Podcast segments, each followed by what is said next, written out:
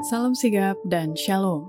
Renungan kita pada hari ini, Rabu 15 Februari 2023, berjudul Kelepasan dari Penderitaan dan Murkanya. Ayat intinya terdapat di dalam Mazmur 18 ayat 20. Ia membawa aku keluar ke tempat lapang. Ia menyelamatkan aku karena ia berkenan kepadaku. Pena Inspirasi menuliskan yang dimaksud dengan judul renungan kita pagi ini, kelepasan dari penderitaan dan murkanya, adalah sebuah panggilan kehidupan yang praktis agar kita bisa senantiasa memiliki sukacita surgawi sebagai faktor yang menunjang kebahagiaan sejati dan sarana untuk memulihkan hubungan kita secara vertikal kepada Tuhan dan horizontal dengan sesama sebagai berikut. Pertama, Bukti kegenapan tulisan Daud mengenai nubuatan kelepasan dari penderitaan dan murkanya adalah sekalipun kita teraniaya, tertekan, dan menderita demi mempertahankan kebenaran, tetapi kita tidak dibiarkannya binasa sampai hari ini.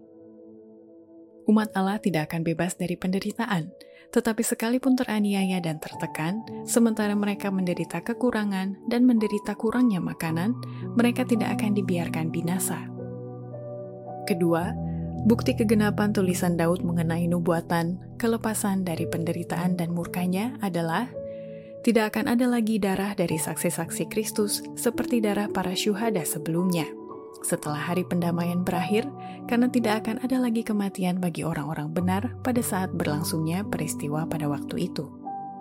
Kalau darah dari saksi-saksi Kristus yang setia itu tertumpah pada waktu ini, darah itu tidak akan menjadi sebagai benih yang ditabur untuk menghasilkan penuaian bagi Allah seperti halnya darah para syuhada.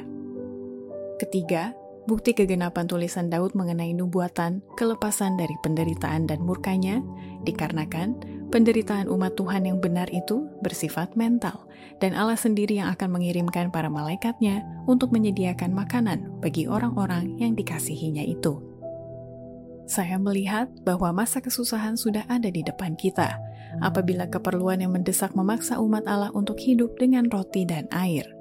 Pada masa kesusahan tidak ada yang akan bekerja dengan tangan.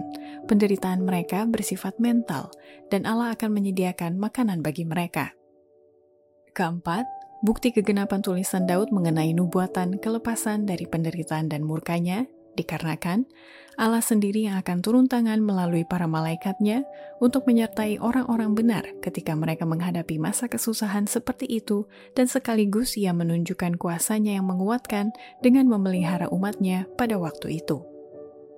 Masa kesusahan persis di depan kita, dan kebutuhan mendesak akan memaksa umat Allah supaya menyangkal diri dan hanya makan untuk sekadar bisa hidup.